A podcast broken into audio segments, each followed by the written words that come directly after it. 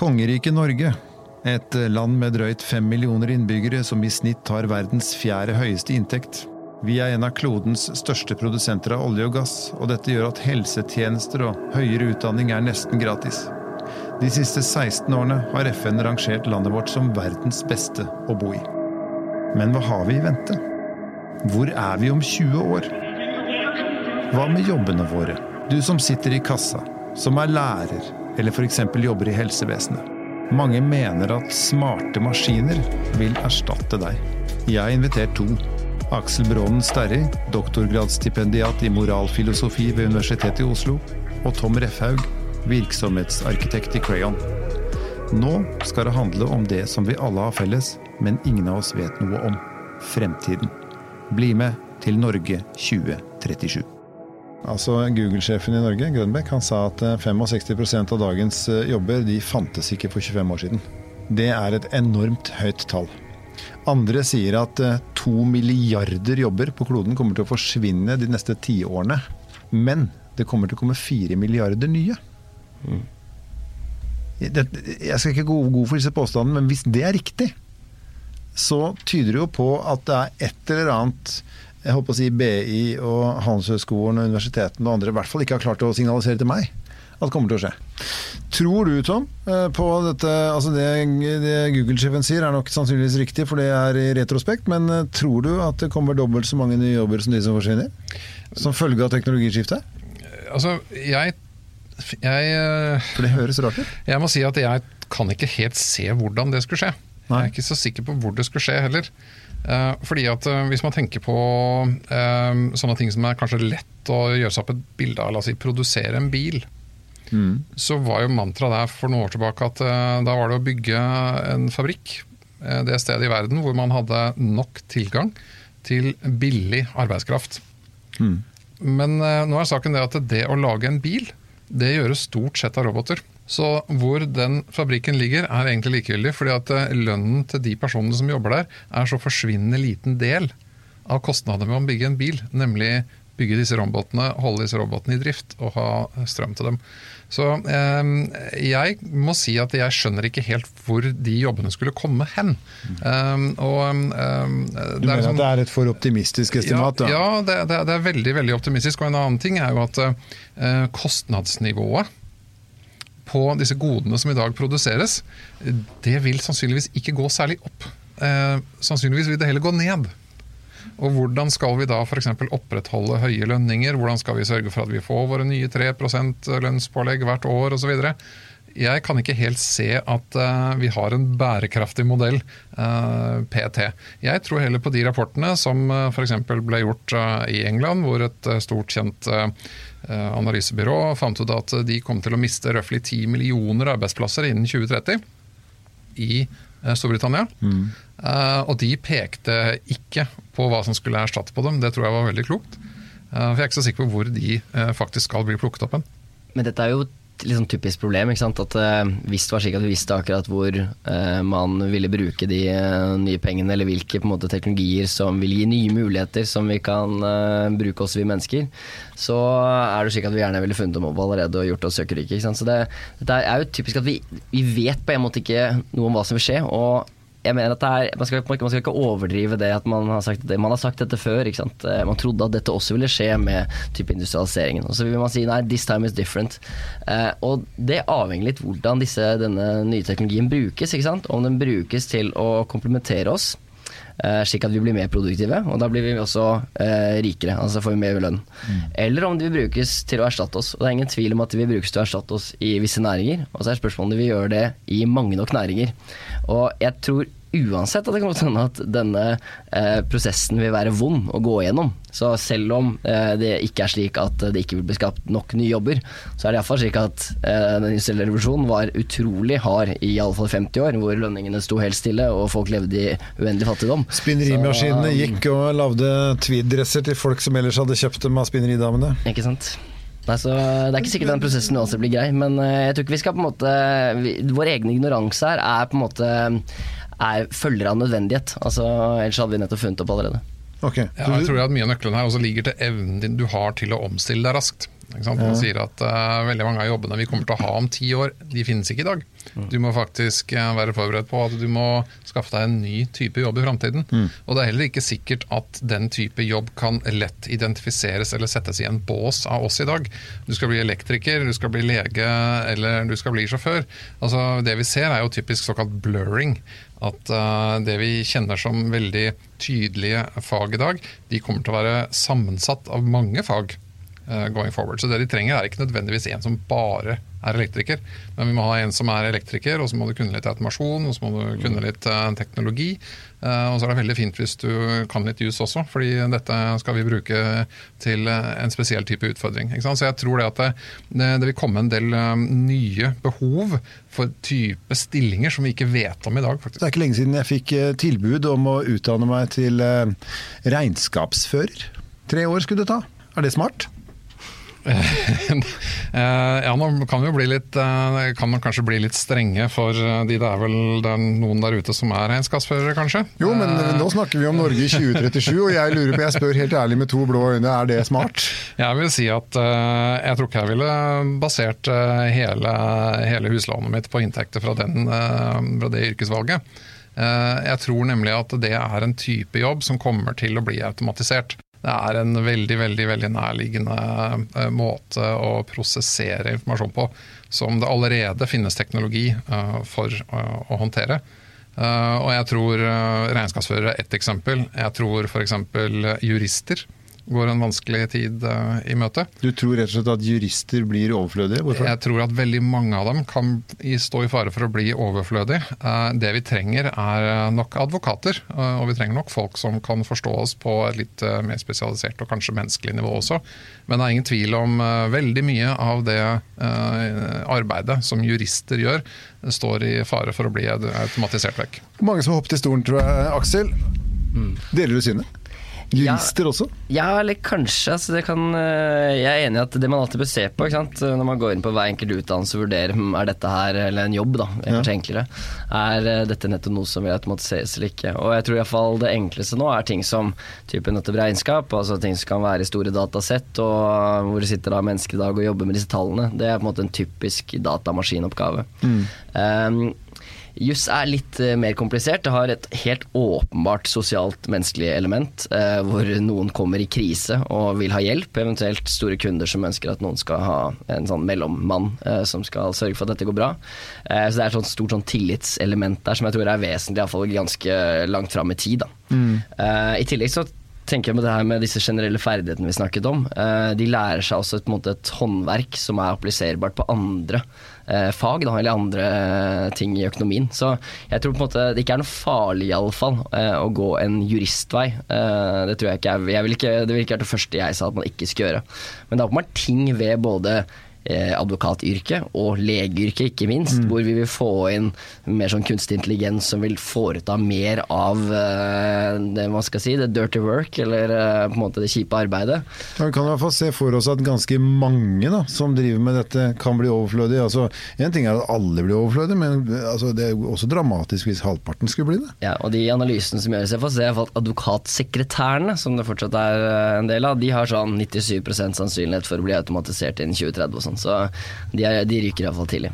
Hvilke andre yrker da? Tror du ryker fort? Si det, altså. Det, man har jo alltid spekulert altså, allerede i butikksektoren, hvor uh, du ser jo noen uh, nå, uh, av disse butikkene, altså tenker på dagligvare, dagligvare blant annet, hvor det er stadig mindre folk i butikkene. Det er jo typiske ting. Og så er det mm. selvfølgelig type transportyrker er jo også noe som mest sannsynlig vil ryke hvis disse automatiserte bilene kommer. Stadig ut av, eller yrker der som kan utføres av mennesker med lav utdannelse mm. også? Ja, og det, det, som er skremmende med et sånt uh, bilde, uh, og det at man kanskje sammenligner det med den industrielle revolusjon, det er jo det faktum at uh, disse som erstatter lavt lønns- og lavt utdanningsnivå-jobbene, mm. de koster nesten ingenting. og da er spørsmålet hvilke andre sektorer er det da som skal være i stand til å absorbere de jobbene som blir borte? Som også får et nær nullkostnadsnivå uh, for å bli gjennomført. Hvis vi ser for oss uh, læreryrket slik det ser ut i dag, så ideelt sett så skulle jo hver elev ha sin lærer som var 100% tilpasset den enkelte eleven, og som hele tiden kunne svare på den elevens nivå, kunnskapsnivå, ferdighet og lærehastighet og alt. Kan man tenke, hvis man tenker 20 år fram i tid, at kunstig intelligens Vi vet at ungene våre liker å snakke med datamaskiner, det gjør de mer enn vi liker. Eh, kan vi tenke oss at eh, lærerne også blir erstattet av eh, datamaskiner som underviser ungene spot on, sånn som de trenger det personlig? Jeg tror at i hvert fall i den formen lærerne framstår i dag, så vil jeg tro det. Jeg tror nok det vil være behov for menneskelig intervensjon i læreprosessen på et eller annet vis. Uh, men jeg tror det vil være behov for en helt annen type funksjon som de da utfører. Uh, type f.eks. Uh, det å kunne relatere seg til andre. Eh, er en type læreeffekt som du får av å være på en skole. Så man kan godt tenke seg at man i framtiden også møtes eh, en gang imellom sånn, på forskjellige steder. Eh, men jeg tror, jeg tror, det læreren gjør, og formålet med å ha læreren til stede, mm. tror jeg vil endre seg. Okay. For det er flere, flere momenter der. Det er sånn, Én ting er på en måte nettopp uh, lærerens jobb, som er å på en måte nettopp tilpasse uh, undervisningen til den enkelte elev. Og det er vi enige i, det gjør man ikke spesielt bra i en situasjon hvor det er 30 elever i klassen. Det er på en måte nesten Nei, umulig. Og der vil man tenke at nettopp data eller sånn for sånn kunstig intelligens skulle gjort det bedre. Og så er det et annet element der som er på en måte motivering. Og det tror jeg på en måte er en utrolig viktig ferdighet som vi også vil trenge framover. Jeg må tenke at liksom, Jobben læreren har for å på en måte sørge for at elevene er motivert for å gjøre oppgaven. Men det er ikke sikkert at man kunne på en måte tenke at det mellommenneskelige elementet var veldig sentralt for å fremme motivasjon. da. Men det er ikke sikkert at lærerne i dag er så veldig flinke til det. Og det er ikke heller sikkert at en kunstig intelligens ikke kunne vært bedre på det. Nei, for det er akkurat det. Altså, det er mye som tyder på altså, det, det, det, er mange som sa og har sagt at uh, unger lærer mye av å leke med datamaskinen sin i en eller annen form uten at man reflekterer så ekstremt mye om hva barnet gjør på den maskinen. Ja. Men det ligger jo ikke så vanvittig langt unna tankemessig sett å se for seg at man har undervisningsprogrammer som kan være både suggererende, inspirerende og motiverende for unger? Helt enig. Det virker som data, altså dataspillene er jo perfekt laget både i form av musikk og selvfølgelig for å gi oss de utfordringene som er tilpasset oss selv. Og hvis vi også kan ha en form for sånn at vi velger oss de nivåene som tilpasses oss, mm. så er det vi kan sitte fullstendig uh, immersed in altså i, i ti timer. ikke sant? Vi kan bare sitte og spille og spille og spille.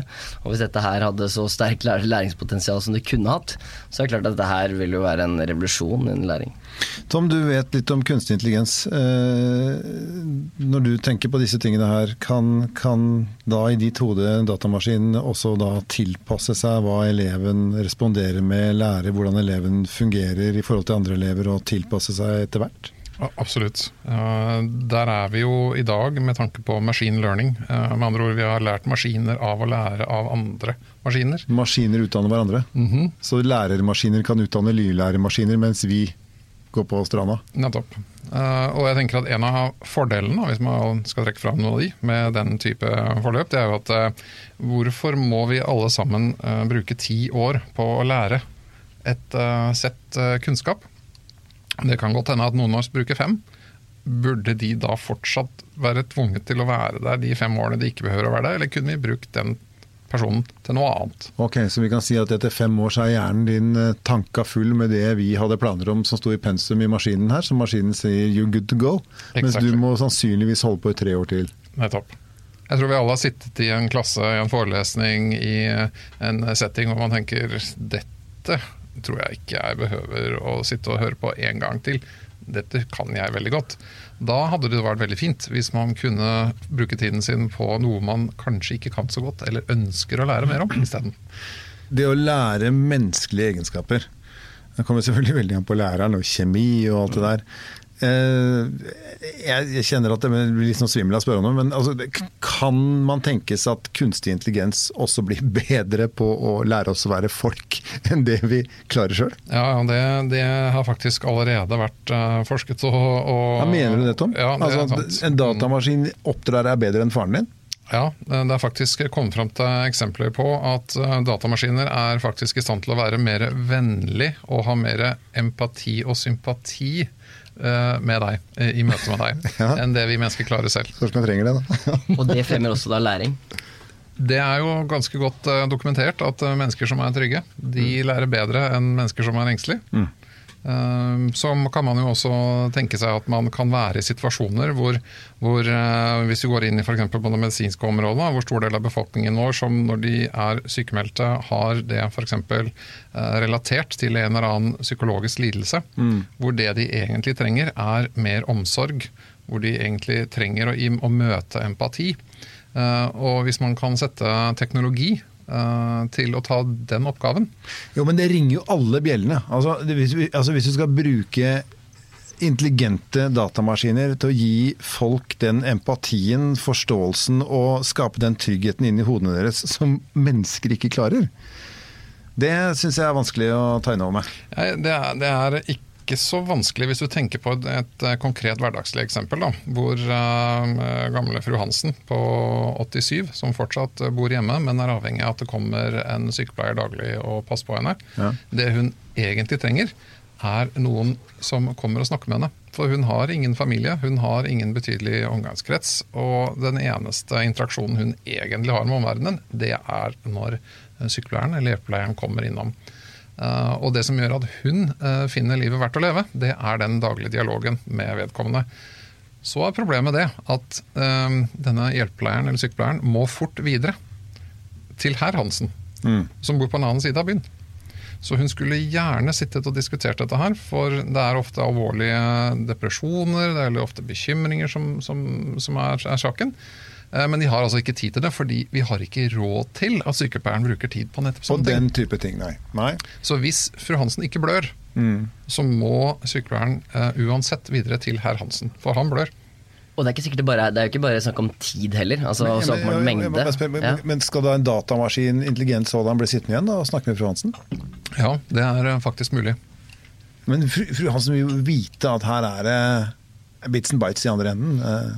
Kan være at hun vet det, men uh, likevel. Uh, når uh, fru Hansen oppdager å få meningsfylte svar og tilbakemeldinger, kanskje til og med noen gode råd, og kanskje attpåtil føler seg litt bedre, og, ja, Da tror jeg hun kommer tilbake dagen etter. Og datamaskinen husket det de snakket om sist? Absolutt. Og, og barnebarna hennes? Og I mellomtiden har den datamaskinen snakket med, med fru Hansens uh, nærliggende på andre steder av landet, som han har også lært og gjort seg erfaringer med. Så hvis fru Hansen stiller deg denne, dette spørsmålet med denne bekymringen, så vet jeg hva som virker når andre av mine kollegaer maskiner har svart akkurat dette, så da prøver jeg det først.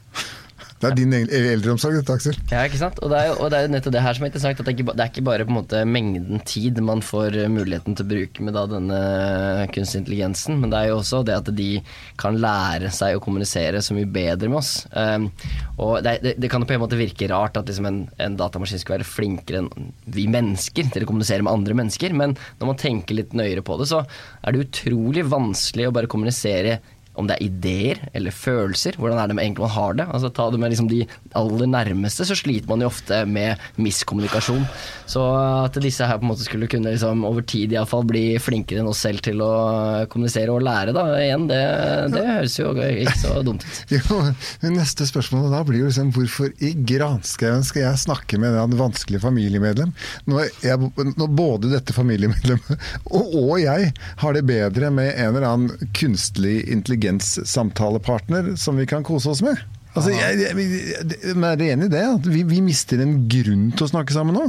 Ja, men du kvitter deg også med en vesentlig del uh, uh, skyld. Uh, og en del, kall det Hva skal vi kalle det? Uh, bekymring, tror jeg. Fordi hvis du som sønn av fru Hansen mm. vet at hun har det veldig fint, for hun mm. får jo de beste råd mulig. Eh, og jeg kan bruke tiden min der jeg må, fordi eh, min stilling som jurist er i ferd med å bli erstattet av en, av en maskin. Ja. Og jeg er altfor opptatt til at jeg kan ta vare på min mor. Ja. Så jeg tror at det vil heller skape mer kvalitet, tror jeg, i den tiden som mennesker da faktisk har sammen. Ja, men ikke sant ok, det er greit nok når du er gamle fru Hansen, eller gamle herr Høglund, som blir sittende og etterlatt med en datamaskin, som jeg etter hvert tror er min venn, og alt det der, og flytter helt inn i denne illusjonen av å ha det godt, og da har jeg det i og for seg godt, så jeg, jeg følger denne i og for seg. Men hva hvis jeg begynner allerede nå? Mm. Jeg har en grei inntekt, jeg kan kjøpe det jeg vil ha, lei av å diskutere med folk i familien jeg syns er håpløse. Og så flytter jeg inn sammen med min kunstige intelligens og har det som plommen i egget, liksom to spørsmål. på en måte. Altså, en, en, er jo vil vi greie, altså bare sånn generelt sett som mennesker, eh, å på en måte flytte så inn i datamaskinen, kan du si, eh, at den vil fylle alle våre behov. Så det er på en måte vi lever nå, nå, akkurat nå, så lever vi i et rom hvor hvis du går inn med unge mennesker i dag, mm. sitter alle gjerne i den samme sofaen og ser i hver sin telefon, og det er drivende stille der. Ja, det det, bildet ja. hadde vært helt utenkelig i min barndom. Ja, Men de er jo på en måte fortsatt sammen. Altså måte, Man søker fortsatt sammen, faktisk fortsatt fysisk. da. Så det virker som det er et eller annet behov der som prøver å, man prøver å tilfredsstille. Uh, og det kan godt hende at det vil fortsatt være der, hva vet jeg, på en måte. Mm. Uh, så det er liksom én side av den litt, eh, Det virker som en utrolig sånn skremmende verden ja, man, på måte, man på en måte går inn i. Hvor eh, vi vil på en måte alle plugge inn disse maskinene og bare ha det bra hver for seg selv. Men så kan man si at en annen måte å redde oss ut hvis dette her ikke skulle være det beste, da, er jo spørsmålet gitt at vi fortsatt trenger å jobbe, gitt at vi fortsatt trenger å bidra til et samfunn, så er det spørsmål om det også kan gjøres best ved at vi kommuniserer individuelt ved den datamaskinen. Og det kan hende at vi gjør jobbene våre gjennom den, og da er det på en måte er ikke det lenger et problem. Men hvis det er slik at man bare eh, blir sittende og spille dataspill, så er man ikke lenger et produktivt medlem av dette samfunnet vi er en del av, og det kan det hende at du heller ikke bør gjøre da. Avslutningsvis et par spørsmål til dere begge to som kan svare ja og nei på.